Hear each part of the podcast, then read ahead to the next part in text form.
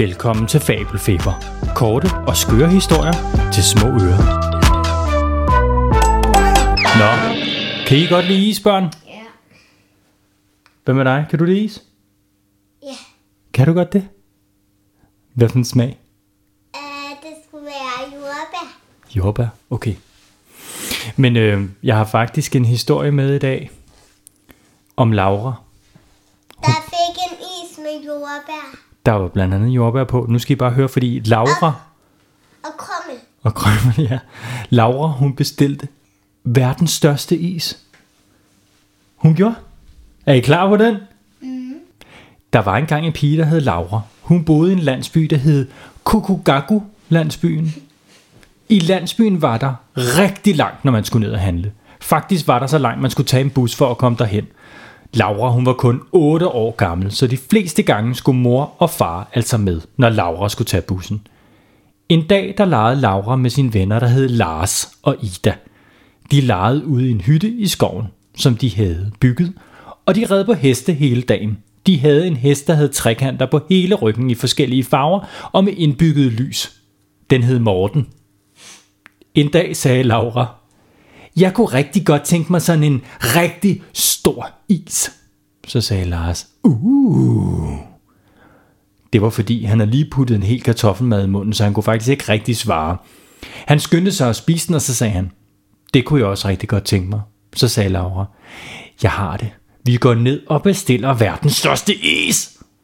Det var Ida og Lars helt enige i, det skulle gøre. Hvad skal der være på, sagde Laura. Jordbær, vanilje, regnbueis, softice, flødeskum, flødeboller, syltetøj, krømmel. Men hvordan får vi fat i sådan en stor is? sagde Ida. Vi tager bare bussen. Til isbutikken, sagde Laura. Så gik de ned til bussen og ventede, og ventede, og ventede. Der kom ikke nogen bus. Lige pludselig så kom der en gigantisk vaffelbil kørende. Laura opte til bilen. Stop! Vaffelbil. Vaffelbilen stoppede og sagde, øh, hvad laver I her?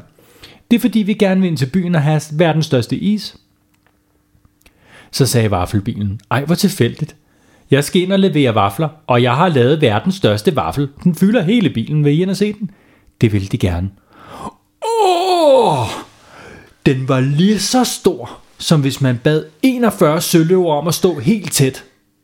Lige ved siden af hinanden. Så lang var den. Nu sad de inde i vaflen, inde i vaffelbilen, mens de kørte ind til isbutikken. 10 minutter efter var de kommet derind, og Laura, Ida og Lars skyndte sig ind i butikken.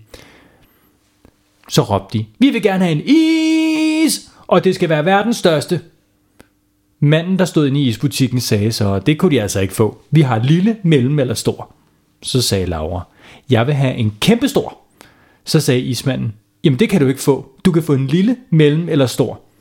Så sagde Laura, men jeg vil have en gigantisk og fuldstændig vanvittig, ekstravagant og voldsom stor is.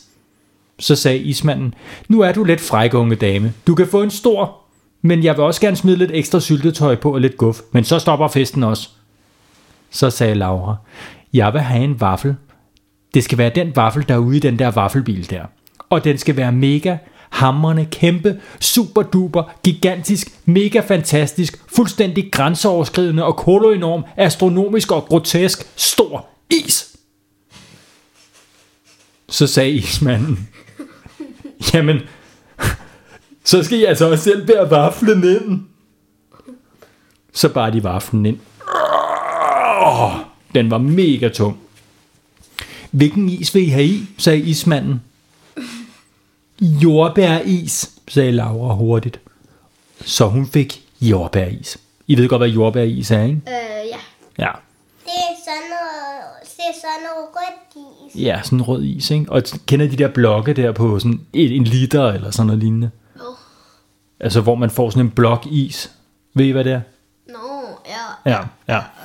Dem skulle Laura have 6.450 af. De blev nødt til at lukke flødebollefabrikken, fordi de skulle bruge for mange flødeboller. Til slut kom der et års forbrug af isbutikkens krømmel ovenpå, og 80 spande med syltetøj. Så sagde ismanden, værsgo, bare gå i gang. Nu stod Laura og vennerne med verdens største is. Så sagde Laura, jamen altså, sådan en stor is, det kan jeg da ikke spise. Hvad skal vi gøre? Vi kan da bare ringe til mine venner, sagde Lars. Og så ringede han rundt, og så kom de alle sammen. De fleste kom ridende hen til isbutikken på et robotæsel.